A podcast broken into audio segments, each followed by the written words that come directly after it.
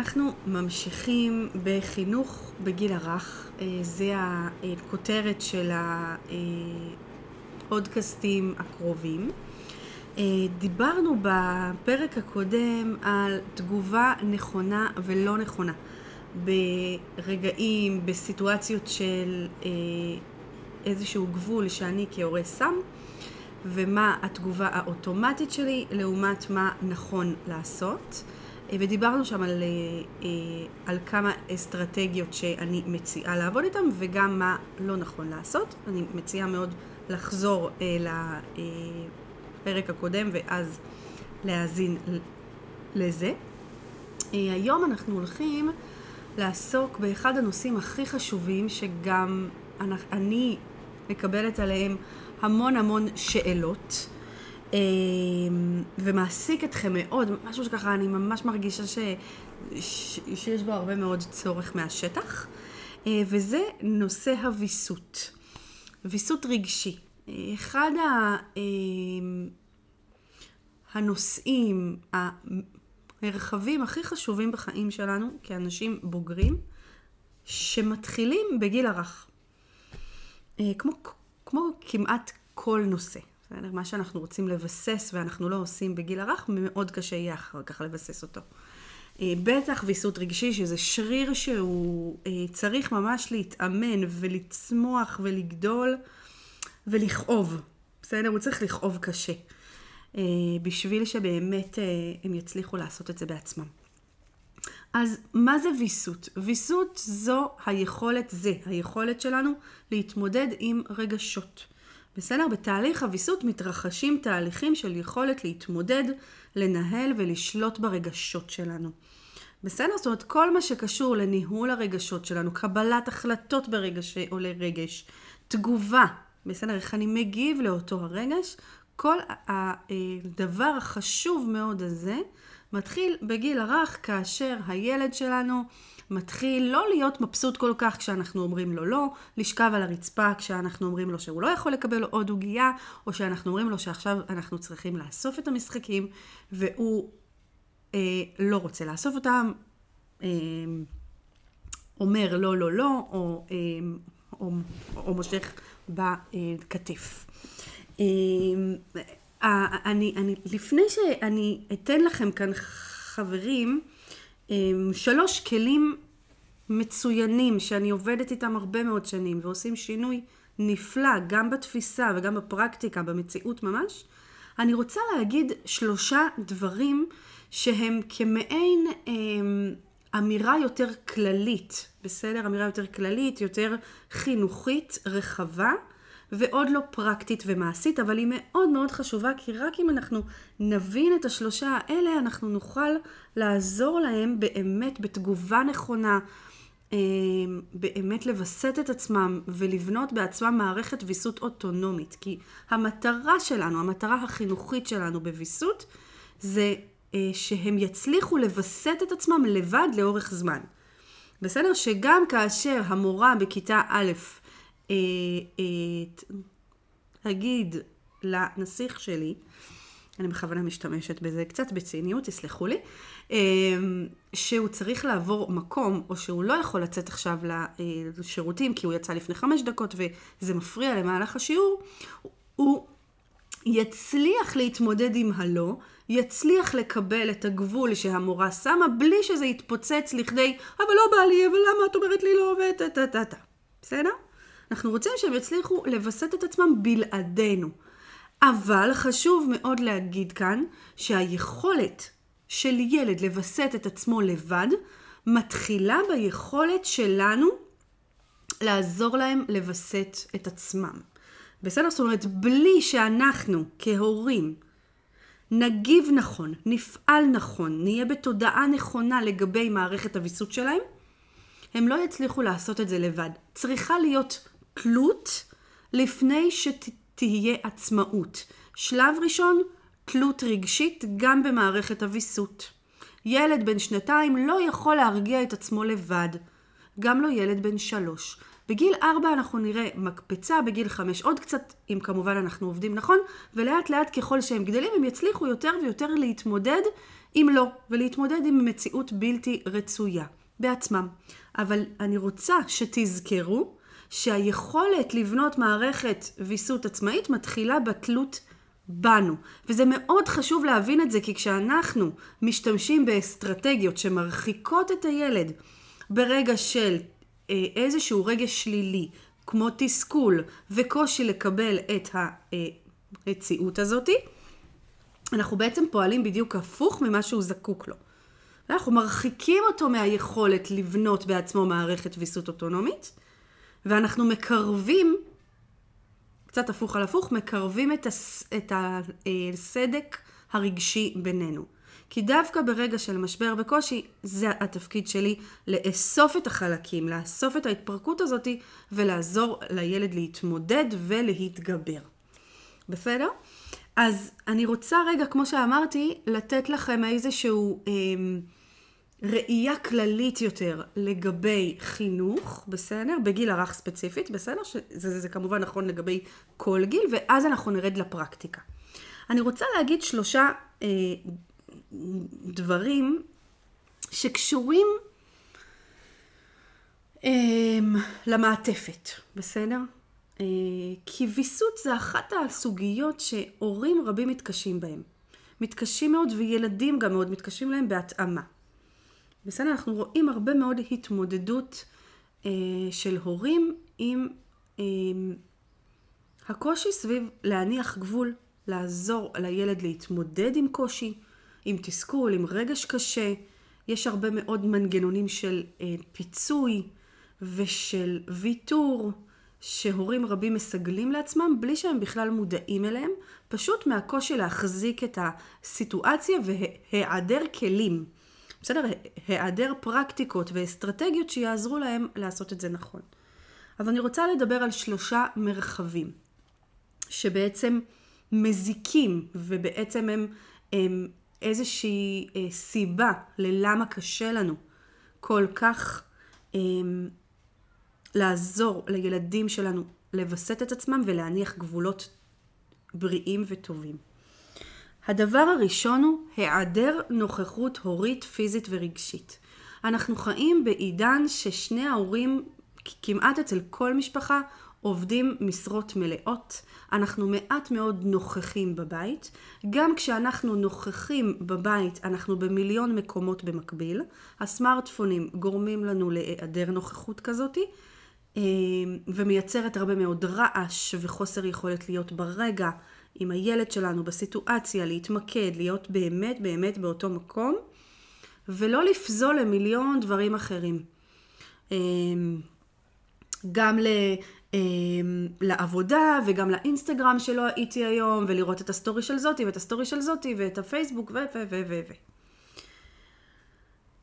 אני רוצה להגיד ש... בעקבות היעדר הנוכחות הפיזית והרגשית שלנו, נוצר מצב שאנחנו לא מצליחים להגיב בצורה נכונה ברגעים של קושי ותסכול אצל הילדים שלנו. בסדר? בגלל שאנחנו קצרים מאוד וחסרי סבלנות ומוצפים רגשית כל הזמן ועסוקים במיליון דברים במקביל, מה שהביא עלינו אורח החיים מודרני, אנחנו מתקשים להגיב נכון, בסבלנות, באמפתיה, ממקום ששומר על הקשר ולא מחבל בקשר. זה הדבר הראשון. הדבר השני זו אה, תפיסת חינוך מוטעית. בסדר? וכשאני מדברת על, אה, תפיסת, אה, על תפיסת חינוך מוטעית, זו תפיסה שבעיניי היום הפכה להיות אה, מאוד מיינסטרימית, בסדר? היא ככה הפכה להיות איזשהו... אפילו אנחנו קצת מצדיקים אותה, בסדר? אה, כאילו הגענו לאיזשהו מצב שאנחנו כבר לא אומרים, טוב, זה לא בסדר, אני אהיה יותר טוב, אני אשתפר, אלא אנחנו קצת מצדיקים את זה. כי אנחנו עסוקים, כי אנחנו, אה, אין לנו זמן, כי הילדים של היום זה לא הילדים של פעם, ועוד כל מיני אה, סיבות ש... שונות ומשונות. ולמה אני מתכוונת תפיסת חינוך מוטעית? אני מתכוונת לתפיסת חינוך שמוותרת אה, לילד לכתחילה על כל מיני אתגרים ולא מאפשרת לו להתמודד עם דרישה, עם אמירה, עם משהו שנדרש ממך, למרות שאתה לא רוצה, למרות שלא בא לך, ואתה תצטרך לעשות את זה למרות שאתה לא רוצה. אני חושבת שהשיר של אה, גלי עטרי הוא משקף בצורה מדויקת את התפיסה. תעשי רק מה שאת אוהבת, נכון? תעשי רק מה שאת אוהבת? באמת? האם אתן אוהבות לשטוף כלים לקפל כביסה? האם אתה אוהב לקלח, להרדים, לשטוף כלים בסוף היום, אפילו להעביר ניגוב? האם את אוהבת לקום מוקדם כל יום ולהתלבש ולצאת לעבודה ולחזור ולאסוף? האם באמת אנחנו עושים כל מה שאנחנו רוצים? האם אנחנו רוצים לגדל ילדים שעושים רק מה שהם רוצים? עזבו בגיל שנתיים ושלוש, בוודאי שבגילאים האלה אנחנו לא יכולים לדרוש מה שאפשר לדרוש מילד בן 8, 9, 10, 15, 16. ברור שהדרישה עולה עם הזמן ועם הגיל. הציפייה שלנו מילד קטן לא דומה לציפייה מילד יותר גדול. אבל כתפיסה הורית, האם אנחנו רוצים לגדל ילדים שעושים רק מה שהם רוצים, או שיש ערך ומשמעות לעשות גם משהו שאתה רק צריך, ולא כי אתה רוצה. באיזונים, בהקשבה לילד, בהקשבה לקצב, מתוך מקום מאמין וסומך ולא, ולא מתוך מקום משתלט, אבל ודאי שאנחנו רוצים. הרבה פעמים אני, אני יכולה לשתף אתכם שישי, הבן שלי, הוא בן אה, אה, 12 וחצי, אה, אני אומרת לו למשל, לזרוק זבל. אומר לי, אה, אמא לא בא לי, בבקשה, אולי לא הפעם, לא, לא, מין כזה, מכירים את זה כולכם. אני אגיד לו, לא ממי, אתה חייב. צריך לעשות את זה בבקשה, אני מבקשת שעכשיו אתה תיקח את הפח החוצה. כשזה מגיע ביחד, ומי שמכיר אותי ועוקב כאן וברשתות מכיר את תפיסת עולמי, כשזה מגיע, הדרישה הזאתי, מתוך יחסים טובים, מתוך קשר עמוק, מתוך הענקת צרכים, מתוך הבנה עמוקה של נפש הילד הספציפי והכללי, לא רק שזה לא פוגע בילד שהוא עושה משהו שהוא לא בהכרח רוצה, אלא זה אפילו מצמיח אותו ומקדם אותו ומאמן אותו להתמודד עם מציאות שהיא לא בהכרח כמו שהוא היה רוצה. כי החיים, בואו נגיד את האמת, הם לא, לא אה, אה, אה, תוכנית כבקשתנו. הם לא תמיד תותים וקצפת. התפיסה היום היא מאוד הפוכה ממה שאני אמרתי כרגע. בסדר? היא מאוד מייפייפת את כל הדבר הזה והופכת את הילד לאיזה מין צמר גפן כזה חמוד שצריך לעשות רק מה שהוא רוצה ושלא נפגע ביצירתיות ושלא נפגע בו וטה טה טה טה טה והגענו למצב שהילדים שלנו מתקשים בלהכיל דרישה, בלהכיל משהו שהוא לא רק מה שהם רוצים. אה, הדבר השלישי והאחרון הוא התרבות. השיח החינוכי היום זה שזה מאוד אה, דומה לשתיים, אבל זה בהקשר הרחב יותר, התרבותי, שמדבר הרבה מאוד על המרכזיות של האדם, על האינדיבידואל, על הפרט, על המימוש העצמי, הפרטי, ולא על משהו ש, של נתינה, שאני חלק ממשהו, אה, בהקשר הרחב יותר. אז התפיסה היום היא שהרצון של הילד, או הילד עצמו בכלל במרכז. בסדר? ומתוך זה, מתוקף איזושהי תפיסת עולם תרבותית, בסדר? שלא קשורה רק בחינוך, אנחנו רואים את זה בכל מרחבי החיים שלנו, אמ, שבעצם שמה את הילד במרכז ולא את הצרכים הרגשיים שלו, בסדר? אפילו להפך, זה שאני שם את הילד במרכז פוגע הרבה פעמים בצרכים של הילד. צורך של ילד זה גם גבול.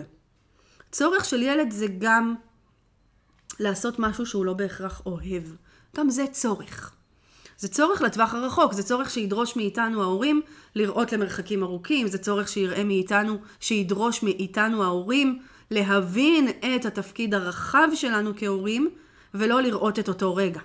ולהתעלות מעל ה...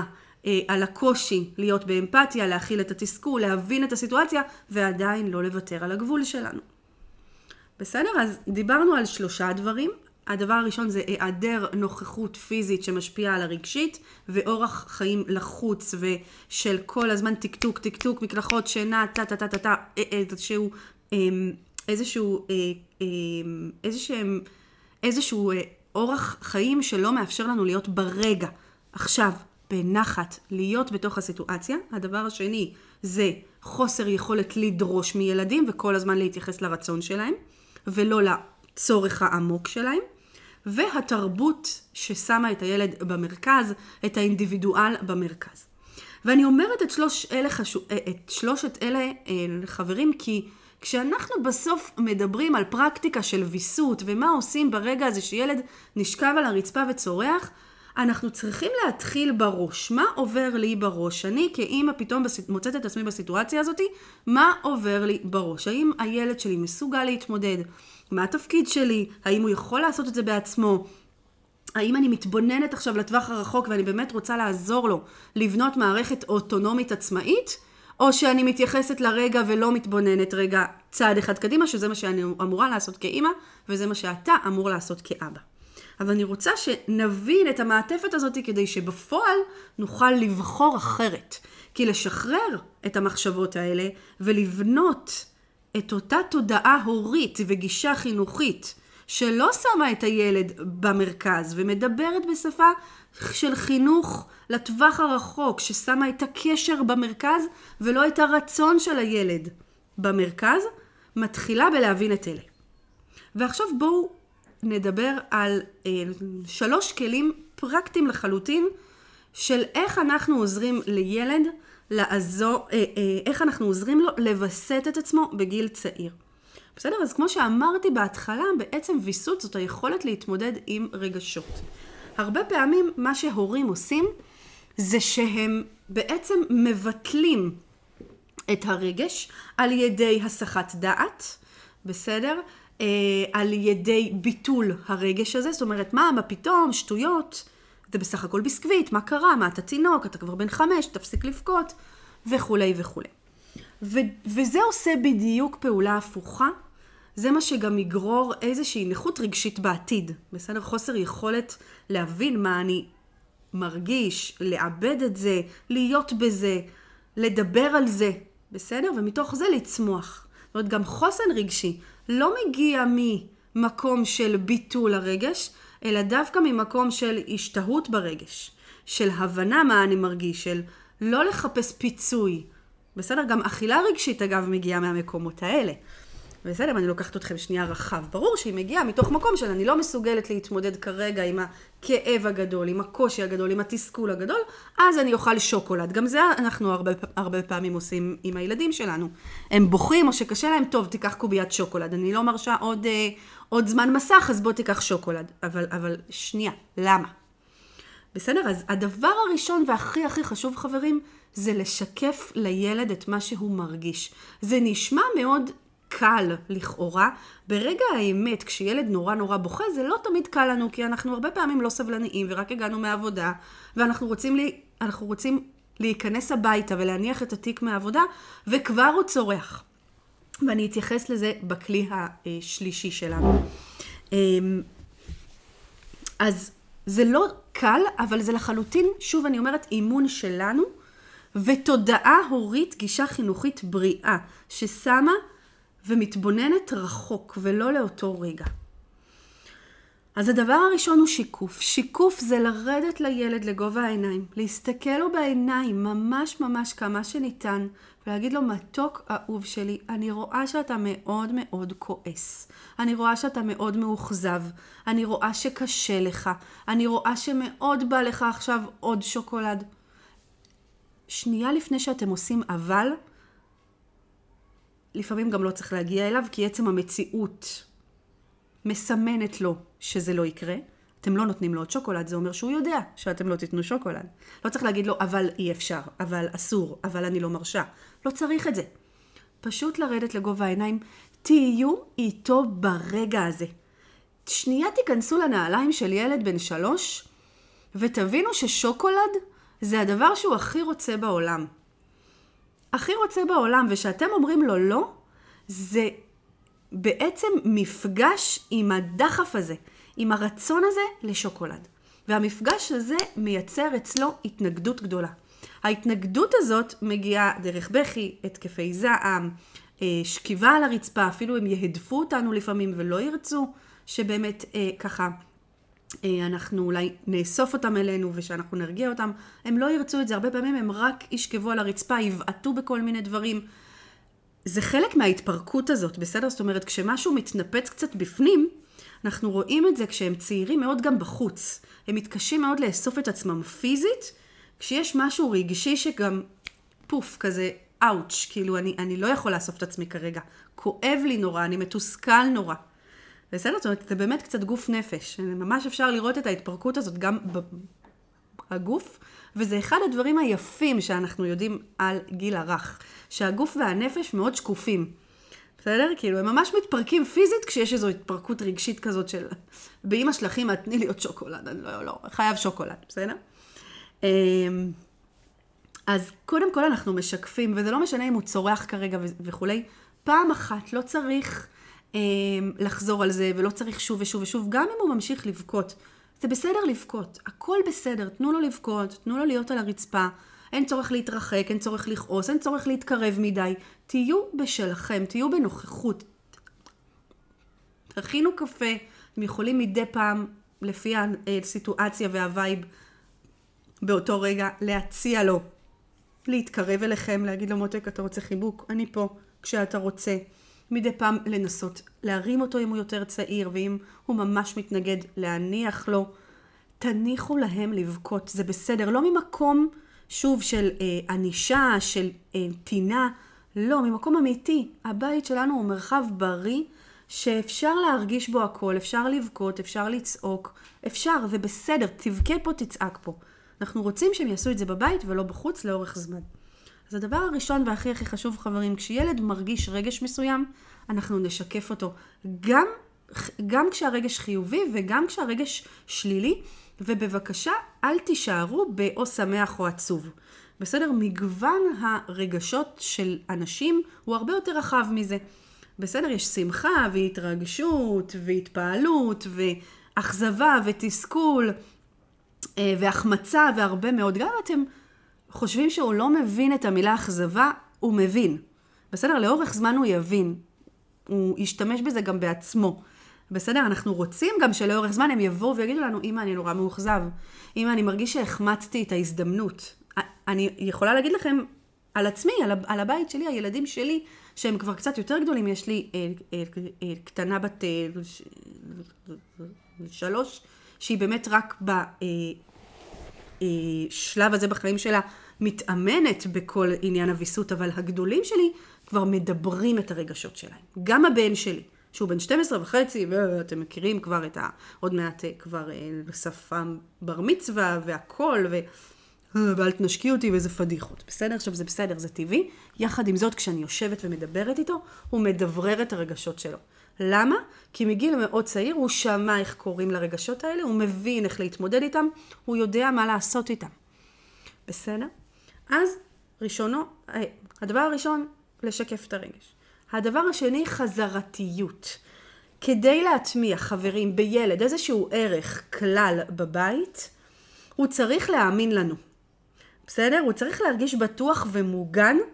החזרתיות הזאתי, בסדר? הדבר הזה שאנחנו עושים יום אחרי יום אחרי יום, עוזרת לו לתחושת הביטחון והאמון, וזה מחזק אותו שאימא ואבא פה, ואני יכול לסמוך עליהם, ואני יכול להישען עליהם, ושום דבר לא מפתיע אותי.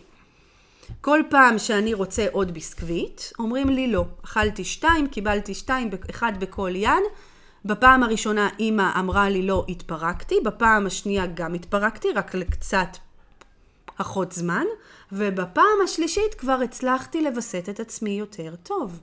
למה? כי הייתה חזרתיות. כי אני כבר יכול לסמוך על אימא, וזה גם בזכות זה שהצלחתי להישען על אימא. שאימא לא כעסה עליי כשהגעתי אליה בסוף ההתקף זעם ורציתי חיבוק. היא לא אמרה לי, לך מפה, אני לא רוצה חיבוק כי אתה אה, לא הקשבת לי, או נו, למה בכית? שטויות, זה כולה ביסקוויט. לא. כשהם חוזרים אלינו, אנחנו להפך נעטוף אותם אלינו. ולא תמיד נדבר על מה ש... אמ, על מה אמ, אה, אה, אין צורך בזה. בסדר? היה, נגמר, נקסט. אנחנו זוכרים את זה, הם כבר הרבה אחרי. החזרתיות, שוב חברים, העקביות שלנו, ההתמדה שלנו, בלהטמיע איזשהו כלל או ערך קריטית לתחושת הביטחון של ילדים, בוודאי צעירים. בסדר? החזרתיות הזאת היא מה שנותן להם את הביטחון בנו, את המשענת הזאת, את חוף המבטחים הזה שאנחנו רוצים וצריכים לשמש להם. אמא פה, אבא פה, אני יודע מה קורה, אני יודע מה, מה מצופה, אני יודע מה הולך לקרות, אני יודע. הדבר הזה, חברים, הוא מאוד מאוד חשוב, וזה גם מה שהורים מתקשים בו. העקביות הזאת לאורך זמן. כי היום אני עייף, והיום אני מוותר לעצמי, ומחר אה, יש לי את זה, ומחר... כל פעם יש דברים אחרים. אין ברירה, חברים, בסדר? זה לא שיש איזו דרך לייפות את המציאות ולהגיד, טוב, אין, חברים, זה פשוט להבין, והנה החזרה למה שאמרתי בהתחלה, את התפקיד. להבין את המשמעות של מערכת ויסות חש... אה, אה, חזקה ויציבה אצל ילד שמתחילה בגיל הרך, ולהבין שברגע הזה הוא זקוק לסלע איתן ממני. הוא זקוק לגבול ברור לצד טונות של אמפתיה, חום, רוך ואהבה, ואפס כעס, מאבק וטינה. בסדר? והדבר השלישי הוא חיבור רגשי ואז חינוך. בגילאים יותר בוגרים, אנחנו נראה ש... בואו ניקח סיטואציה ומזה אנחנו אה, אה, נלמד. אני אפילו אקח סיטואציה אה, שהייתה פה אצלי בבית לפני מספר ימים. הבת שלי, בת שלוש, אה, הייתה באמבטיה, ובסוף האמבטיה התחילה, אה, התחילה לזרוק את המשחקים החוצה. בסדר? התחילה לזרוק פשוט בשיא הנונשלנט, מסתכלת עליי, זורקת משחקים, זורקת, זורקת, זורקת, יש לי ממש סרטון של זה. ואני עומדת ולא עושה שום דבר. מסתכלת עליה, בסדר? אמ, הוצאתי אותה מהאמבטיה, היה לה כבר מאוד קשה, הייתה רעבה, היה שש בערב, היא בגן עירייה, היא לא ישנה צהריים, אני מבינה את כל הדבר הזה. אני מבינה שהיא לא פנויה ברגע הזה לחינוך, ומה שהיא צריכה ממני זה רגע חיבור בחזרה. אז אני מניחה רגע לכל הדברים על הרצפה למשחקים האלה. מובילה אותה החוצה, בסדר? לוקחת אותה, עוטפת אותה, מלבישה אותה למרות שהיא בוכה וקשה לה והיא כבר עייפה ודמעות ובכי ואני שמה לה מוצץ ועוזרת לה להירגע ורק מהנהנת עם הראש וששש וגם אומרת לה את עייפה מותק אני מבינה הכל בסדר אני פה איתך. מחממת לה אוכל, יושבת לידה, מביאה משחק משחקת איתה על יד השולחן. אני אפילו עושה משהו שאני לא עושה בדרך כלל אני מאכילה אותה כי אני רגע רוצה להתחבר בחזרה אליה, להזכיר לה רגע שאני פה איתה, בשבילה, אוהבת אותה, נותנת לה, לא, ש... לא מתייחסת לאותה טינה, לא מתייחסת למה שקרה אז במקלחת לפני חמש דקות, אלא מתבוננת על הקשר שלנו ושמה אותו במרכז. משחקת איתה כמה דקות, היא נרגעת, אני רואה לאט לאט איך הגוף שלה מתרכך, היא אוכלת, היא רגועה יותר, היא משחקת איתי, אנחנו מדברות על המשחק, אנחנו בתקשורת סביב המשחק, על הצבעים של המשחק, היא משחילה מין צורות כאלה, וזה כיף לה ונעים לה, ואחרי כמה דקות אני אומרת לה, הדסי מתוקה, אנחנו עכשיו הולכים לאסוף את המשחקים באמבטיה. והיא פשוט באה איתי. בסדר, אני אומרת לה, בואי, והיא באה. למה הקסם הזה לכאורה קסם מתרחש? דבר ראשון, שמתי את הקשר במרכז, לא ויתרתי על הגבול. לא אמרתי, טוב, אני אאסוף לא נורא, לא, כי אני כן רוצה שהיא תדע שזאת אחריות שלה, ויש התנהגות שהיא לא מקובלת, או שיש לה איזושהי אה, תוצאה מסוימת שהיא תצטרך לאסוף. אם פיזרת, אז תאספי, נכון? אבל בגיל שלוש אני מבינה שהיא לא תוכל לעשות את זה בלעדיי. ויש רגעים שהיא גם לא תצליח לווסת את עצמה ולהביא את עצמה לפעול ככה. כי היא לא שם, היא פשוט לא שם. גם הצרכים הפיזיים שלה עוד לא מולאו עד הסוף, כי היא הייתה רעבה ועייפה. בסדר, ואם היא הייתה עייפה לגמרי, יכול להיות שגם אני הייתי אוספת. אה, עייפה בצורה של אה, זהו, כאילו היא צריכה לישון וזהו. לא, אז אה, אני ראיתי שהיא עוד אחרי האוכל ואחרי הזמן חיבור איתי, זה כבר היה הרבה יותר טוב והרבה יותר רגוע. אז מה, אז מה עשיתי אחר כך? התחברתי אליה. בסדר, שיחקתי, הענקתי צורך, דיברתי איתה. לא נכנסתי איתה לתוך דינמיקת מאבק, לא כעסתי, לא הטפתי, לא התרחקתי ולא הרחקתי.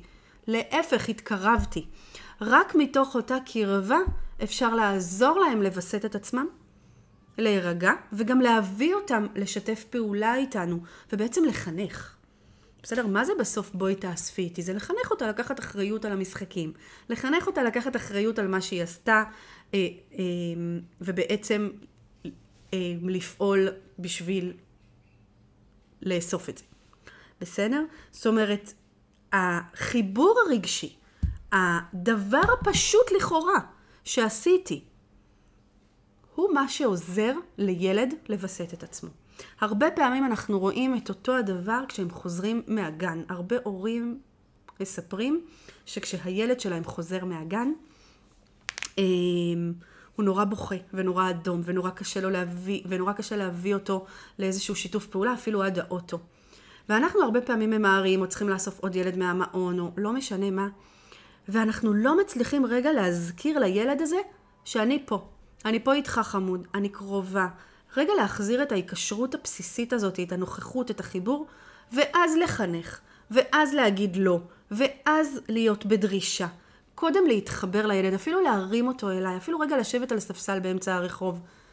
להיות רגע של חיבור, רגע של יכולת להתחבר לילד הזה, ואז להצליח להוביל אותו ולעזור לו לווסת את עצמו לאורך זמן. רק ככה, חברים, ילד יוכל להיות פנוי ללמידה. כשילד בסערת רגשות, וכשילד מתרחק מאיתנו בגלל תגובה לא נכונה שלנו, הוא לא פנוי ללמידה. ככה אנחנו מייאשים את הילד, מביאים אותו בעצם למקום שהוא צריך להתעלות מעל היכולת הרגשית שלו לפעול בצורה מסוימת, בסדר? בלי להתחשב באמת בצורך הרגשי שלו, במקום, ברגע הזה, בהתפתחות שלו, בסדר? ביכולת שלו רגע להכיל את כל הדבר הזה. אז אני חוזרת ורוצה לסכם. אנחנו לפני הכל וקודם כל מייצרים איזשהו שיקוף רגשי, בסדר? משקפים את הרגש, אומרים לילד מה הוא מרגיש, בצורה נעימה וטובה ואמפתית, באמת רגע להתחבר לרגע הזה שאומרים לך לא. ואחר כך אנחנו נהיה חזרתיים ונעשה את אותו דבר כל יום, כל יום. את הגמישות נמצא אחרי שאנחנו נהיה בעקביות לאורך זמן. גמישות היא דבר חשוב בגבול, אבל קודם כל אנחנו רוצים לבסס את הגבולות בצורה נכונה, לראות שהילד שלנו כבר מקבל אותם, שהגבולות הוטמעו בבית, ואז נוכל לייצר גמישות. לא אוכלים בסלון, חוץ מביום הולדת, בסדר? לא אוכלים פיצה כל יום, אבל פעם בחודש כן, בסדר?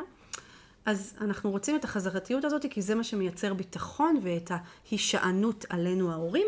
והדבר האחרון זה חיבור, הענקה של צרכים ורק אחר כך חינוך. חינוך לא יכול להתרחש בלי קשר, בלי צרכים, בלי חיבור. זה אולי הדבר הכי הכי חשוב, בטח ובטח בוויסות, שכל הוויסות, אמרתי את זה בהתחלה ואני אגיד את זה שוב, כל היכולת של האדם להתמודד לבד עם רגשות ולבנות מערכת ויסות אוטונומית, מתחילה בתלות הרגשית בהורה. בלי התלות הרגשית בהורה, ילד לא יוכל לבנות באמת מערכת אוטונומית שתעזור לו לווסת את עצמו בלעדי ההורים ולאורך זמן. זהו חברים, זה ה, אה, הפרק הזה. אני מחכה לפגוש אתכם בהמשך ואני כמובן אשמח לענות על כל שאלה בקבוצת הפייסבוק הורות מגדלת ומובילה. אה, אתם מוזמנים גם לאינסטגרם וגם לקבוצת הפייסבוק לשאול שאלות בשמחה ובאהבה. להתראות בהמשך.